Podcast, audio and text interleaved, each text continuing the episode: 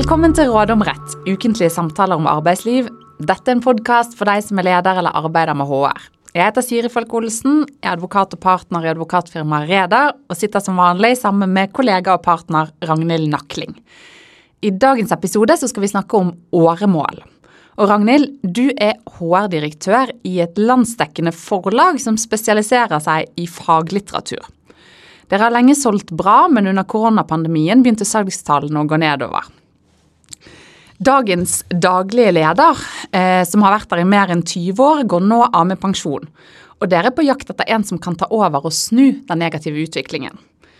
Du kommer til å tenke på en kandidat som du studerte sammen med, og som var helt rå på digitalisering og markedsføring.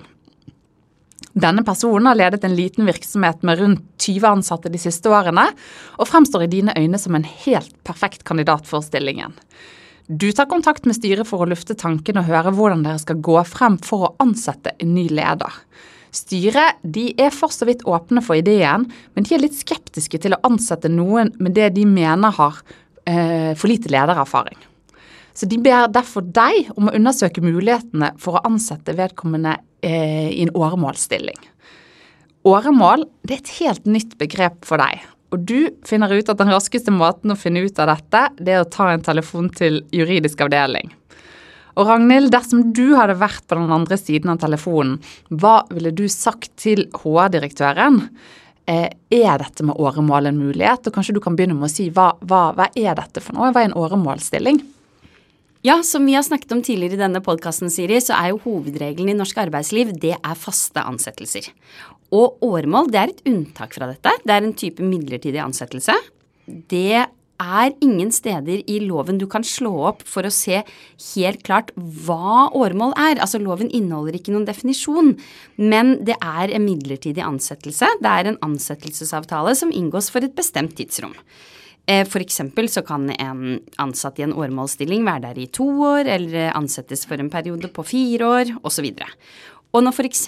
disse fire årene da, har utløpt, så plikter jo den eh, ansatte da å fratre arbeidsforholdet. Altså arbeidsforholdet opphører på samme måte som en midlertidig ansettelse. Man trenger ikke noe oppsigelse da, eh, eller noe annet. Og så tenker jeg at eh, noen av de som lytter til oss, kan jo kanskje ha hørt ordet åremål brukt før på andre rettsområder. fordi bl.a. i leieforhold så bruker man jo dette. Men det er ikke, på, det er ikke fast eiendom denne podkasten handler om. Det er arbeidsrett og arbeidsliv. Så det er i den sammenheng vi snakker om det i dag. Ok, eh, da har vi fått en liten introduksjon, Ragnhild. Eh, og du var jo inne på det litt, men men du snakket om at åremål er en form for midlertidig ansettelse. Eh, og hvordan skiller begrepet åremål seg fra det vi ofte kaller om en, en annen form for midlertidig ansettelse? Hva er forskjellene? Er det noen forskjeller? Ja, og det tenker jeg er et spørsmål som denne HR-direktøren sikkert fort kunne funnet på å stille til meg da, som sitter på andre enden i juridisk avdeling. Og det jeg ville svart da, og også svarer nå, det er at åremålsstillinger det fyller et permanent behov for arbeidskraft ikke et midlertidig behov, sånn som er hovedregelen for midlertidige ansettelser. Ja, og det er jo en viktig forskjell. Og hvordan er det, kan, kan hvem som helst ansettes eh, på åremål? Nei, det er ikke så enkelt. For det første så brukes åremål i ulike sektorer, og der er det ulike regler som gjør seg gjeldende. Og eh, statlig, kommunal sektor kan ha ulike regler for åremål enn f.eks. Eh, undervisnings- og forskningssektoren. Undervisning og forskningssektoren ligger jo delvis under både statlig og kommunal sektor, kan jo også være privat. Men man må først se på sektoren man er innenfor. Og for det andre så er det ulike reguleringer som da har ulike krav til hvem som kan bli ansatt på åremål. Så det går ikke an å si bare ja, hvem som helst kan bli ansatt på det, eller nei, det er bare X og Y. Og hvis eh, man også ser i arbeidsmiljøloven, så er det jo også en bestemmelse der. Hva, hva sier den? Den sier at det bare er den øverste lederen i en virksomhet som kan ansettes på åremål. Så når jeg sa i stad at du ikke kan slå opp noe sted i loven for å få definisjonen på åremål, så stemmer det, men samtidig så inneholder jo arbeidsmiljøloven en egen bestemmelse om åremål. Og bakgrunnen for at det bare er øverste leder da, som kan ansettes på åremål, det er at lovgiver har tenkt som så at på det nivået så kan det være hensiktsmessig med en jevnlig rullering. At det ikke er noe man skal ha for for, på ubestemt tid, da, for alltid. Og i tillegg så inneholder arbeidsmiljøloven også en åpning for ansettelse på åremål når det er nødvendig som følge av en eh, overenskomst med fremmed stat eller en internasjonal organisasjon. Men det er ikke av så stor praktisk betydning, i hvert fall hvis man ikke arbeider innenfor det feltet. Så det går vi ikke nærmere inn på i dag. Men hvis vi da går tilbake igjen til casen som vi snakket om innledningsvis. Der hadde vi en HR-direktør som, som ønsket å ansette en ny daglig leder.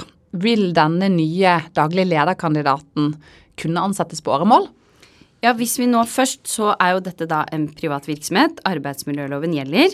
Og den vi snakker om, skal jo være daglig leder. Administrerende direktør, CEO. Det er mange, kjært barn har mange navn. Men da kan den personen ansettes på åremål.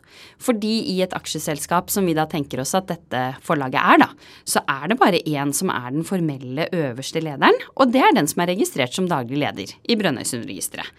Eh, forhåpentligvis da, så stemmer jo det overens med hvem som er den øverste lederen. Da er det styret som er denne personens sjef. Det er ikke noen stillinger som ligger hierarkisk over i organisasjonskartet. Og da har eh, lovgiver tenkt som så at dette er jo en type stilling som kompenserer såpass godt, da må man kunne si, både økonomisk, men også med spennende, utfordrende arbeidsoppgaver. Altså ikke-økonomiske hva skal vi si, goder eh, enn andre stillinger lavere på rangstigen, når man da har tenkt at det er i orden med en sånn tidsbegrenset ansettelse. Og vil øverste leder alltid være begrenset til én person? Altså F.eks. I, i større konsern så har man jo kanskje mange datterselskap eh, som, som hver for seg har selvstendig drift. Ja, her er det jo eh, Dette er et tema som ofte kommer tilbake når man snakker om konserner hvor noen av datterselskapene er så store at de jo er eh, 20-gangeren eller 100-gangeren eller hva som helst av mange andre selvstendige virksomheter. Men sånn rent formelt så har jo også hvert datterselskap her én øverste leder, én daglig leder. Og da kan hver og en av de lederne ansettes istedenfor eh, en vanlig stilling i en åremålsstilling. Men eh, både du og jeg, Ragnhild, vi har vel kanskje erfaring med at en helt annen bestemmelse som benyttes mest eh, når man ansetter daglig leder administrerende direktører enn denne åremålsstillingen. Kan ikke du si litt om det? Jo, absolutt. Og jeg tenker jo at det er ganske betegnende at jeg tror at episoden vår om daglig leders stillingsvern, den tror jeg er episode nummer fire eller noe sånt i rekken i Råd om rett. Mens nå sitter vi her med episode nummer husker ikke helt, 100 Ja, kanskje vi skal begynne å nummerere episodene, men vi er kommet langt ned på lista, i hvert fall før vi kom til åremål. Og det er fordi at de fleste daglige ledere i dag de ansettes istedenfor med eh, en avtale som gjør at de har fraskrevet seg stillingsvernet, eh, paragraf 15-16 i arbeidsmiljøloven mot etterlønn. Vi erfarer vel at den er langt mer i bruk i dag enn åremålsbestemmelsen. Ja, det er jeg helt enig i. Men nå handler jo denne episoden likevel om åremål. Eh, og daglig lederstillingsvern, det er jo som du var inne på, det er tema i en annen episode. Men hvis vi da går tilbake igjen til denne saken, at så lenge den nye daglig lederkandidaten rent faktisk er øverste leder uten noen over seg, og med det ansvaret det innebærer, da forstår jeg det sånn at da vil det her være mulig å ansette eh, denne personen på åremål, som, som styret her har på et vis bedt om, da. Er det riktig? Det stemmer. Og så er det noen ting de burde tenke på hvis de gjør det, og det er at mens man er i en åremålsstilling, så gjelder arbeidsmiljølovens generelle stillingsvernregler.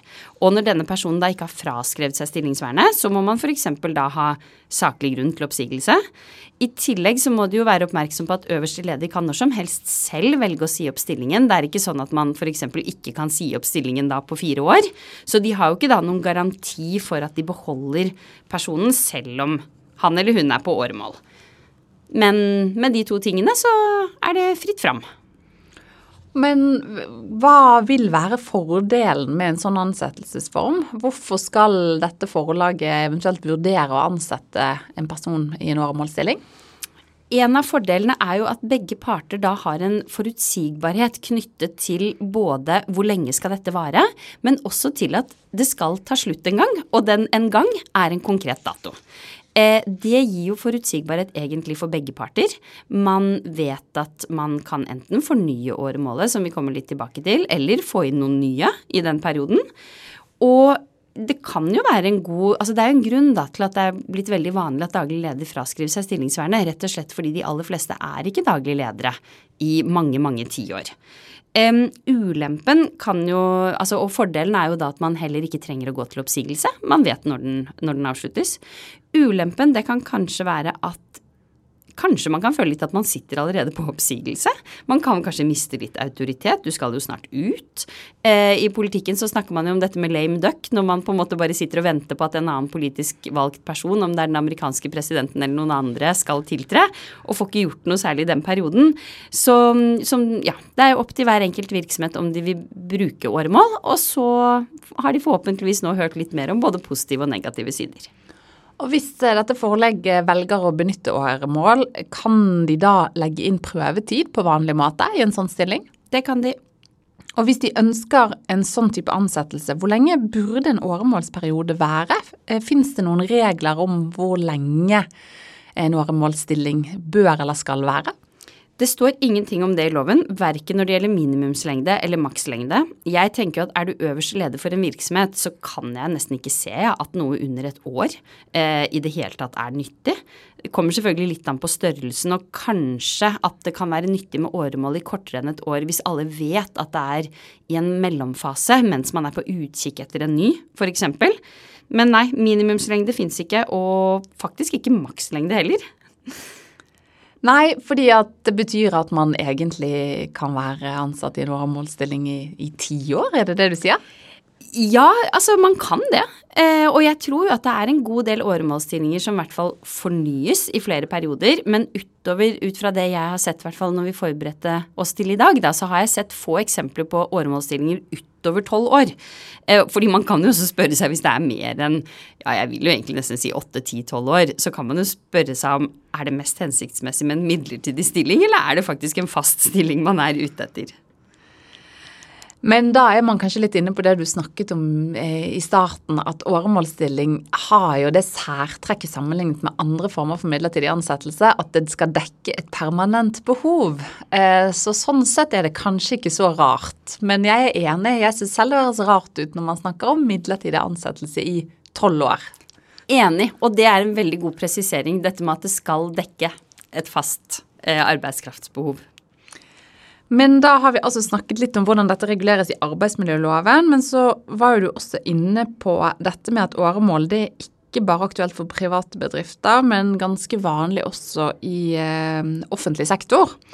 Så hvordan reguleres adgangen til å ansette på åremål da i stat og kommune? Nei, det var jo der jeg holdt på å begynne å snakke om undervisning og forskningssektor som om det var noe annet enn statlig og kommunalt sektor. Det er det jo absolutt ikke. Men i statlig sektor så er det statsansatteloven, og den åpner for å benytte åremål når det følger av lov eller stortingsvedtak.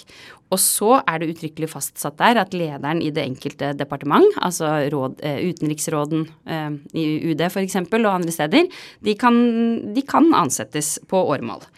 Men så er det en begrensning også i statsansatteloven, og det er at man ikke kan benytte åremålsstillinger der virksomheten har kontrollerende funksjoner overfor arbeids- eller næringsliv, eller hvor det er særlig viktig at lederen har en uavhengig stilling. Og der har jo staten har mange tilsynsvirksomheter. Eh, eh, Riksrevisjon og ja, mange, rett og slett. Og der kan man da ikke i utgangspunktet benytte åremål. Men så er det jo da det enkelte fagdepartement som avgjør om kan vi bruke Eh, åremål i denne stillingen. Eh, så benyttes åremål ganske mye, så vidt jeg har forstått i hvert fall, for f.eks. postdoc-stillinger på universitetet, en del andre stillinger i den sektoren. Eh, der er det jo også veldig mye midlertidige ansettelser i bruk eh, istedenfor åremål. Åremål gir jo da et bedre stillingsvern for de ansatte i utgangspunktet. Og så, skjønner, så er jo dette et stort felt. Vi kunne sikkert eh, brukt en hel episode på å snakke om da åremål i offentlig sektor. Og i kultursektoren så er jo dette veldig mye brukt. F.eks. så er jo både operasjefen og ballettsjefen eh, i Den norske opera og ballett ansatt på åremål. I tillegg til teatersjefene på veldig mange av eh, landets eh, teaterscener. Så, så dette med åremål er jo kjent mange steder. men for å komme videre, kan du, kan du, kanskje også gi oss en kort oversikt over dette med åremål i kommunal sektor? Mm. For da har vi jo vært inne, fortsatt selvfølgelig innenfor offentlig sektor, men da har vi på en måte vært gjennom statlig sektor på ca. to og et halvt minutt. men, men um, i kommunal sektor så tenkte jeg at en av de tingene vi kunne trekke frem, er at det er adgang til å ansette rektorer på åremål. De er jo øverste leder, så definitivt. De er nøkkelpersoner for drift av skoler. De har øverste ansvar for pedagogikk, fag og administrasjon.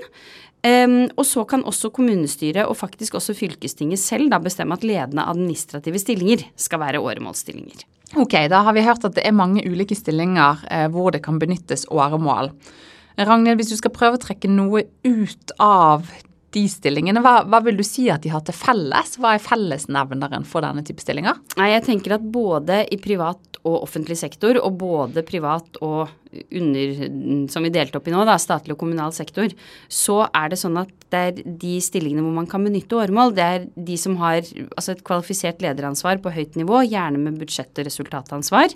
Det er jo begrenset hvem som kan ansettes på åremål, siden det bare er øverste leder.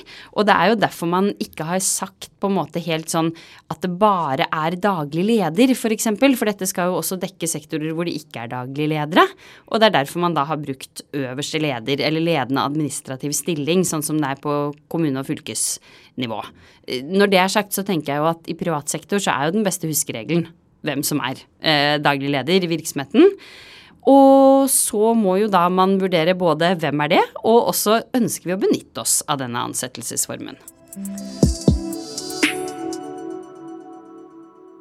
Så hvis du skal oppsummere dagens tema med, med tre tips, eller tre råd, hva er viktigst å huske på? Hva vil du da si, Ragnhild? Nummer én, ha et bevisst forhold til hva ansettelse på åremål innebærer, og hvilke fordeler og også ulemper det har. Nummer to, vurder hvem som er virksomhetens øverste leder. Det er bare disse som kan ansettes på åremål etter arbeidsmiljølovens regler. Og nummer tre, husk at arbeidsmiljølovens vanlige regler om stillingsvern de gjelder selv om man ansetter på åremål, hvis det ikke er uttrykkelig avtalt noe annet. Tusen takk, det var det vi hadde i dag. Eh, vi kommer tilbake med nytt tema og nye tips i neste episode.